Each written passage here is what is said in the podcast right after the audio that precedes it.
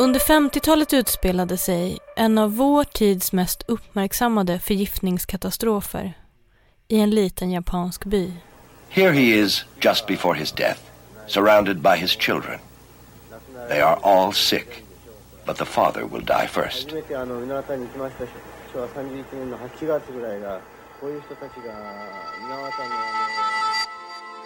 Vi tänker oss kanske att miljögifter upptäcks genom systematiskt arbete men oftare än vad vi tror har de hittats genom en tursam slump. En enskild forskare har råkat på något intressant och sen strävsamt nystat i vad det är fråga om. Driven av nyfikenhet eller oro. Du lyssnar på Människorna bakom larmen. En podcast från Stockholms universitet. Upptäckten att kvicksilver är ett miljöproblem är ett exempel på ett vetenskapligt pussel som lagts av en rad fristående forskare i något som liknar ett stafettlopp. I det ingår bland annat Kronans vilt, Sveriges första atomreaktor och Erik den XIVs dödsorsak. Det här avsnittet kommer handla om det. Jag heter Jana Johansson och är doktor i miljövetenskap. Jag har träffat en av dem som var med. Jag hade ju då jobbat med kvicksilver innan jag kom till, till WHO. Arne Järnelöv är biolog. Han var en av dem som jobbade med kvicksilverforskning på 60-talet. Han har skrivit flera böcker om kvicksilver och om sitt yrkesliv som expert utsänd av Världshälsoorganisationen och FN. Utsänd? Nej. Eh, jag ville åka dit. Kvicksilver användes mycket i industrin under 1900-talet. Man visste att det var giftigt för människor för det hände att industriarbetare och bönder blev sjuka när de slarvat med skyddsutrustningen. Men att det skulle spridas i miljön och bli farligt i större skala och hota hela befolkningens hälsa, det hade man ingen aning om. Det gick bara 15 år från den första misstanken att fågeldöden kunde ha med kvicksilver att göra till insikten att många av våra viktigaste industrier kanske skulle bli tvungna att lägga ner. The balance of nature is built of a series of interrelationships between living things and between living things and their environment. I början av 60-talet utlöste Rachel Carsons bok Tyst vår en hetsk miljödebatt. Boken öppnas med en fiktiv beskrivning av tillvaron i ett amerikanskt samhälle där fåglarna tystnat för att man besprutat grödor med nya effektiva bekämpningsmedel som DDT. Medel som ska ta koll på insekter men även slår mot andra djur. Redan under tidigt 50-tal hade naturintresserade svenskar uppmärksammat samma sak här på hemmaplan. Man hade noterat att eh, eh, rovfåglar, eh, att populationen av dem minskade starkt.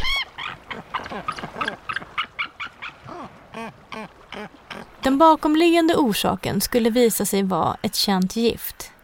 Men det hade man ingen aning om när docent Karl Borg på Statens veterinärmedicinska anstalt började nysta i frågan. Hans jobb var att obducera vilda fåglar. För att undersöka om de hade dött på grund av tjuvjakt. De vilda djuren tillhörde nämligen kungen. Från början så var det ju så att eh, det fanns eh, vissa djur inklusive fåglar, som eh, var kronans vilt. Och eh, det, det, den ursprungliga idén med det var ju att Eh, liksom kungen, staten, skulle ha företrädesrätt till, till dem. Om man då hittade något sånt här så skulle man skicka in det eh, ja, och, och, eh, Statens veterinärmedicinska anstalt där han jobbade, de, de hade då till uppgift att eh, försöka ta reda på vad det var som, som de här dog av.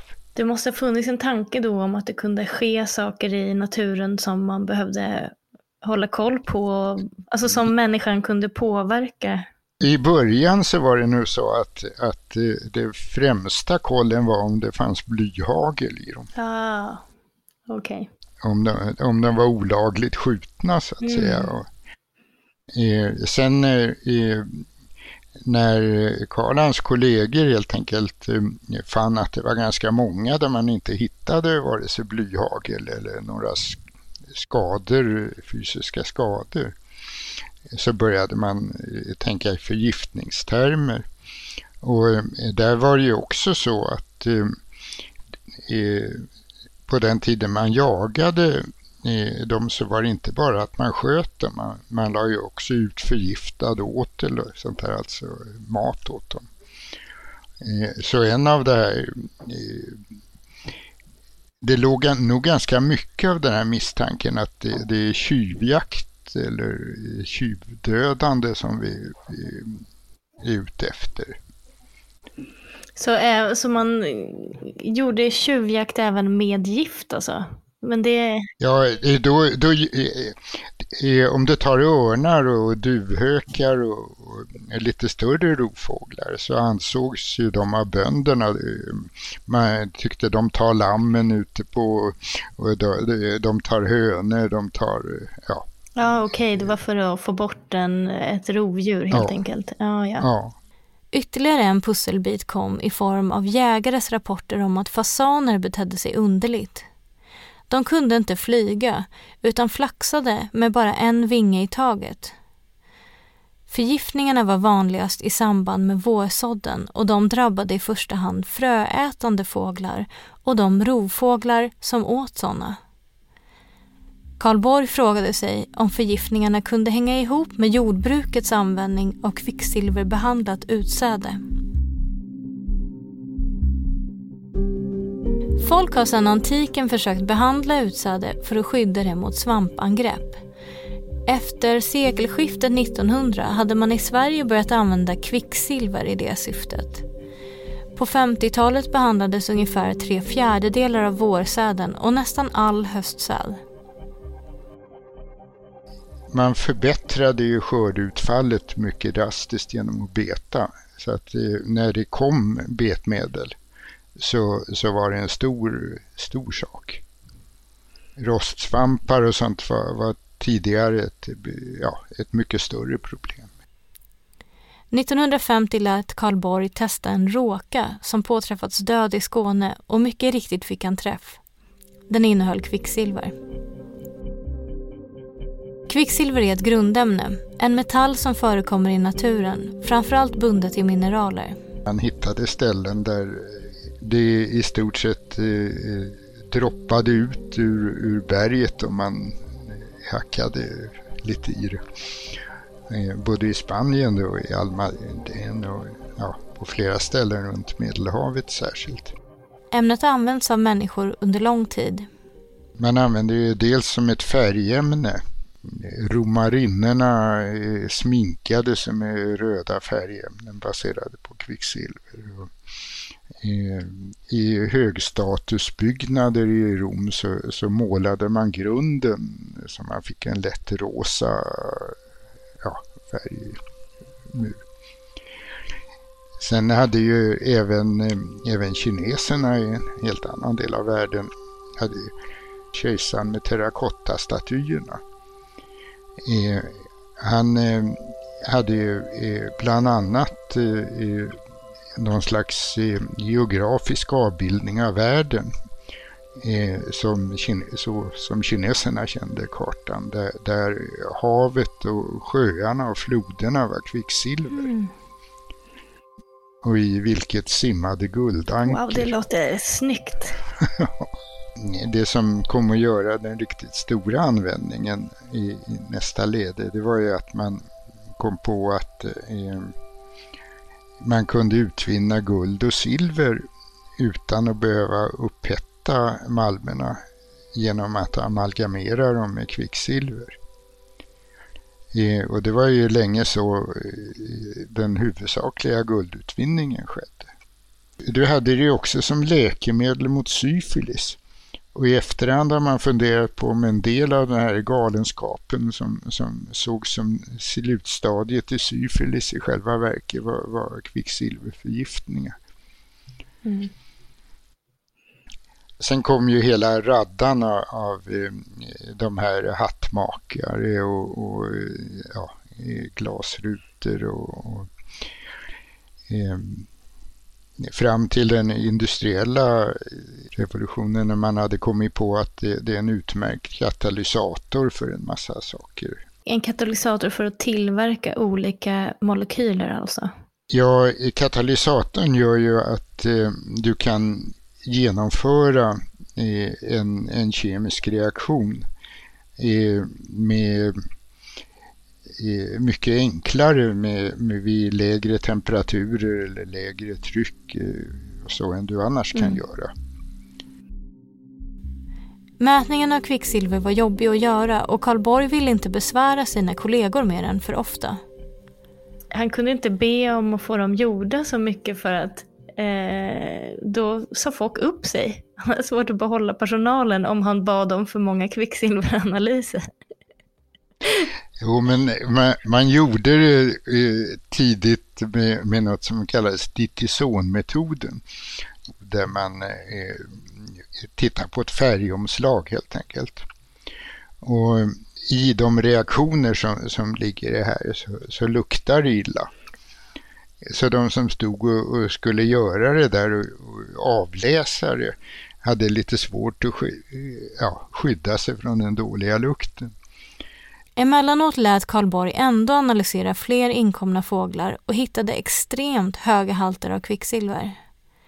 Han förstod att den där råkan inte varit en engångsföreteelse utan det första tecknet på att ett skadligt ämne spridit sig i naturen. Han började göra kontrollerade försök där han matade fåglar med kvicksilverbehandlat utsäde. Fasaner, vilka först blev förlamade och sen dog.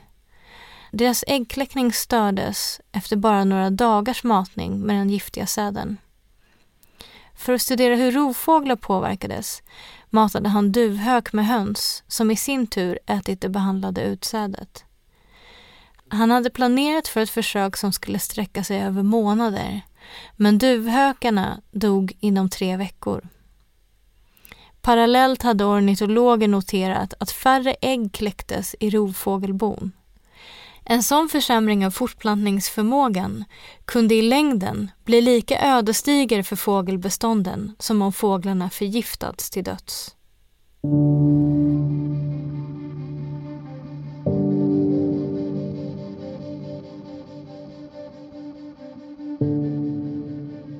Under 50-talet upptäcktes även effekter av kvicksilverförorening på andra sidan jorden, i den lilla fiskebyn Minamata i Japan där drabbades invånarna av vad man först trodde var en allvarlig form av hjärnhinneinflammation. Fler och fler insjuknade, men de svåra neurologiska symptomen spreds aldrig utanför området kring Minamatabukten. De drabbade fick svårigheter att tala, nedsatt hörsel, perioder av växlande apati och upphetsning. Armar och ben stelnade i krampartade felställningar. På bara några år dog över hundra personer. I byn fanns en fabrik som tillverkade kemikalier, Chiso Corporation. Fabriken hade en egen läkare anställd och det var han som först började förstå vad det var som gjorde folk sjuka. Han insåg att katterna i byn hade precis samma sjukdomssymptom som människorna. Balansrubbningar och delvis förlamning. Vad var det som katter och människor hade gemensamt? Jo, att de åt mycket fisk. Och han eh, gjorde då så att han eh, tog dit ett antal katter som, där han matade en del med, med fisk från bukten. Och eh, ja, andra med annan fisk. Och fann då att eh, eh de katter som fick eh, mina mata fisk så att säga, de eh, visade samma symptom som katterna i byn och de var ganska likartade människor. Läkaren kunde alltså visa att det var fisken från bukten där fabriken låg som orsakade den konstiga sjukan. Men genom att han jobbade på företaget tordes han inte riktigt själv säga det där. Så han eh, visade sina resultat för några forskare vid Kumamoto-universitetet som då blev de som publicerade det hela. Fabriken använde kvicksilver i sin kemikalieproduktion. Analys avslöjade höga halter av kvicksilver i såväl fisk som i drabbade katter och människor. Symptom hos människor hade observerats redan på 50-talet men inte för en bit in på 60-talet blev sambandet med kvicksilver klarlagt och publicerat i den vetenskapliga litteraturen. Det var först då som det kom till omvärldens kännedom. Man testade olika typer av behandlingar på de som insjuknat men konstaterade att skadorna på nervsystemet var oåterkalleliga och symptomen permanenta. Idag räknar man med att flera tusen personer drabbades av Minamata-förgiftningen under 50 och 60-talen. 1960. The Japanese economy is growing at an unbelievable rate. Many factories use mercury in various chemical processes. Det här var en tid då Japan genomgick en rasande snabb industriell utveckling med en hel del miljöproblem som följd.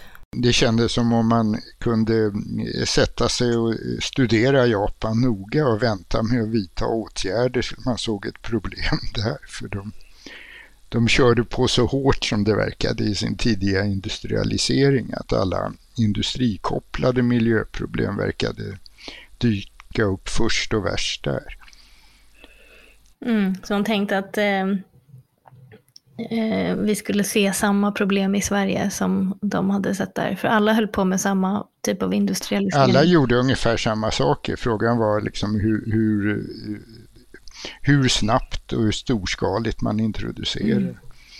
Du vet, det här var en, en period då på 60-talet när polismännen i Japan eh, hade rätt att eh, när de dirigerar trafik att gå in och andas syrgas i, i, i en liten kur för att eh, ja, luftföroreningarna i trafiken ansågs så överväldigande.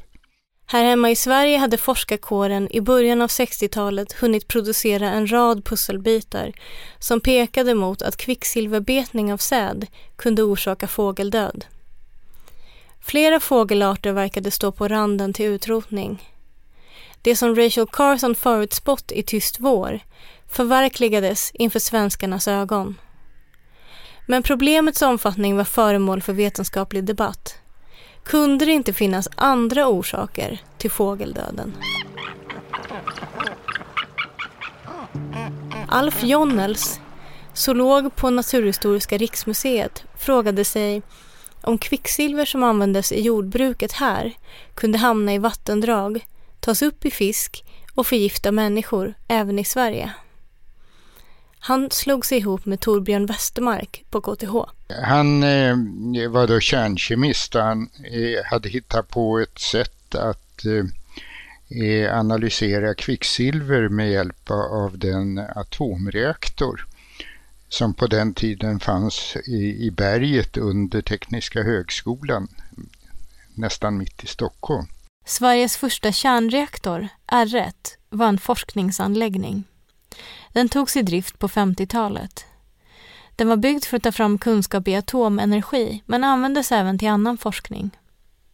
Torbjörn Westermark använde reaktorn för neutronaktiveringsanalys. Genom den metoden kunde man med stor säkerhet avgöra vilka grundämnen som fanns i ett prov och hur mycket av dem som fanns. Du, du kan identifiera hela periodiska systemet på det sättet. Det här var ett stort framsteg i förhållande till den metod Karl Borg och andra använt dittills. Den som krävde mycket jobb för att behandla ett enskilt prov. Från att labbpersonal avläst färgomslag i provrör hade man nu gått över till storskalig strålningsanalys nere i ett bergrum. Westermark hade från början satt upp metoden för ett helt annat projekt, nämligen att undersöka vad det var som kung Erik den XIV blev förgiftad av för 500 år sedan. Det var den misstänkta ärtsoppan och arseniken som, som eh, var första målet med det där. Så då var det liksom ett arkeologiprojekt som gjorde att eh, metoden, att de satte upp Utvecklades, metoden? Utvecklades, ja. ja kan man säga. Mm.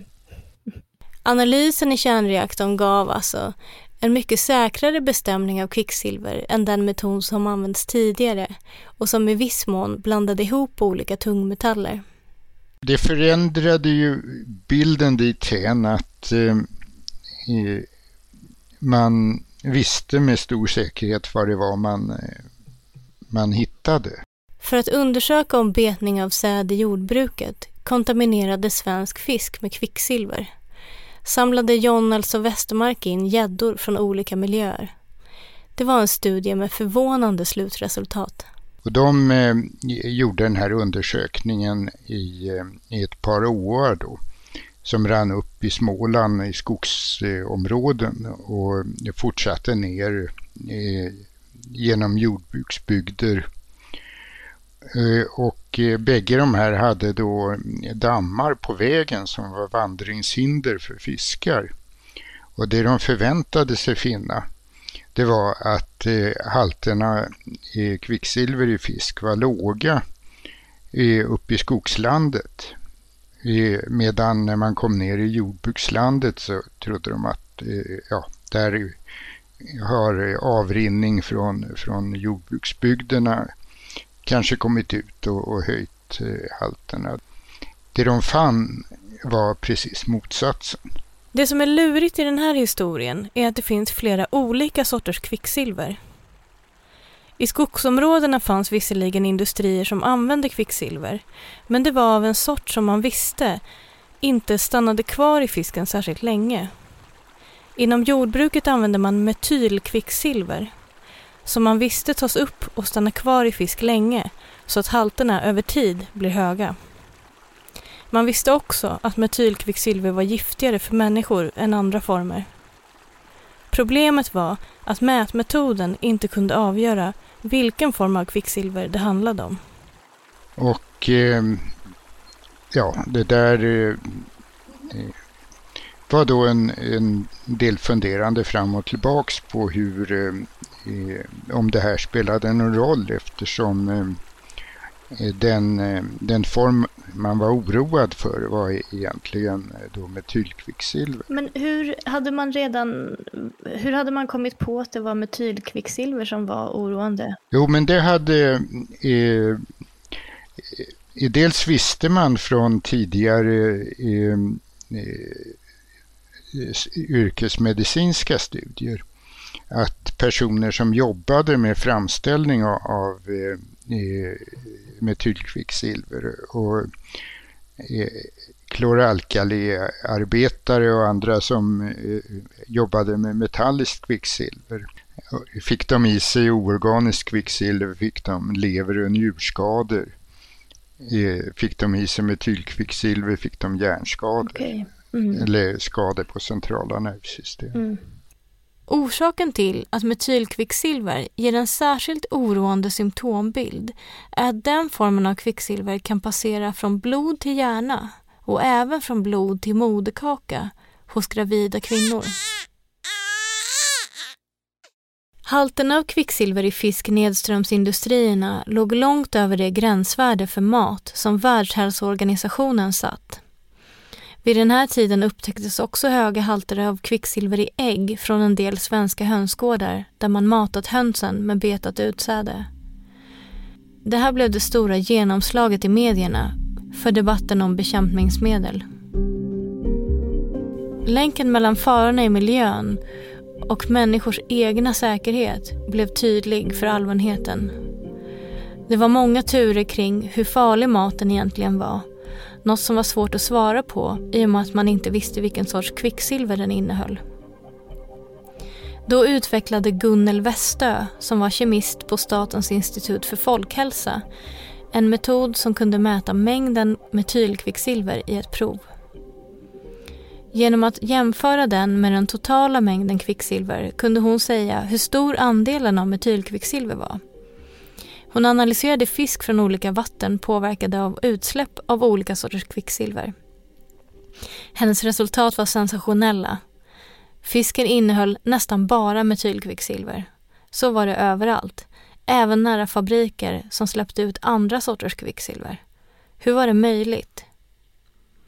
När jag tittade på, på mönstret och så vidare för hur det här eh, eh såg ut eh, Arne misstänkte att metylkvicksilver kunde bildas i naturen.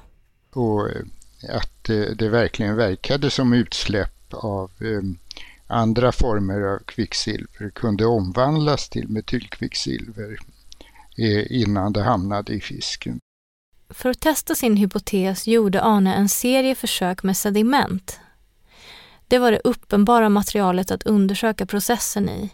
För han hade i tidigare försök hällt ner oorganiskt kvicksilver bland fiskar i akvarier och sett att den största delen hamnade i just sedimentet. Det binds väldigt starkt till, till eh, eh organiskt material i sediment och som är suspenderat i vatten. Och det gör att eh, när, när de partiklarna sedimenterar så hamnar alltihop i, i ytlagret av sedimenten.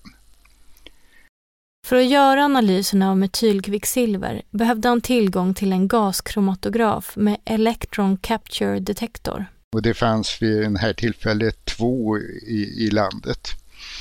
Och ja, det var då jag fick tag i, i eller i kontakt med, med Sören Jensen för att eh, på analytisk kemi på Stockholms universitet så hade de eh, också eh, den här utrustningen. Då kunde vi analysera det. Bland annat kunde vi ganska snabbt visa att eh, mikroorganismer som vi då inte identifierade i början, vi bara konstaterade att hade vi så att säga naturliga sediment med bakterieaktivitet så fick vi en, en bildning av metylkvicksilver från oorganiskt kvicksilver och steriliserar vi sedimenten fick vi det inte. Resultaten hade hög miljöpolitisk relevans. Effekten av, eh, av Sörens och min upptäckt eh, där om, om biologiska metyleringen, det var ju att eh, sett på sikt så är alla kvicksilverformer ute i naturen allvarliga. Det blev stor uppståndelse i medierna. Arne och Sören blev närmast rikskändisar. Genom att eh, den här biologiska metyleringen gjorde att eh, hela kvicksilveranvändningen så att säga oberoende av former nu kom upp till en slags politisk diskussion. Så eh, det var i de sammanhangen så att säga som tv och andra var intresserade. Kloralkalifabrikerna eh, ja, trodde ett tag att de skulle måste stänga och var, om Sverige inte får klorgas så blekar pappret med och inte alkali och lösa ut eh, eh, det, som inte är cellulosa ur, ur träet, var, hur fara ska det då gå och så vidare. Ja, det är en av våra största industrier ja, visst, som är hotad. Ja. Den var ännu mer dominerande då så att säga. Nu har det gått 70 år sedan Karl Borg började lägga kvicksilverpusslet. Mycket har hänt sedan dess. Betningen med kvicksilver förbjöds 66 året därpå stoppades massaindustrins användning. Förbuden fick snabbt positiva effekter. Fröätande fågelarter började repa sig inom några få år. Halterna av kvicksilver i fisk sjönk snabbt i sjöar som tidigare påverkats av industriella utsläpp. Men på 80-talet insåg man att många sjöar som inte låg i anslutning till en industri och som antagits vara opåverkade också var kvicksilverförorenade. Trots att många industriella utsläpp upphört var det sannolikt forna tiders förorening som spökade. Den hade lagt sig i jordar och läckte nu långsamt ut. Dessutom släppte kolkraftverken nere på kontinenten ut kvicksilver som for genom luften och landade hos oss. Även om situationen har blivit bättre sedan dess är kvicksilver fortfarande ett aktuellt miljöproblem och ett stort forskningsfält.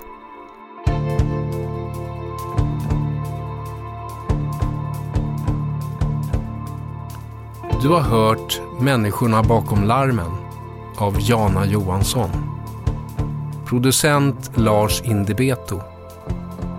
En podcast från Stockholms universitet.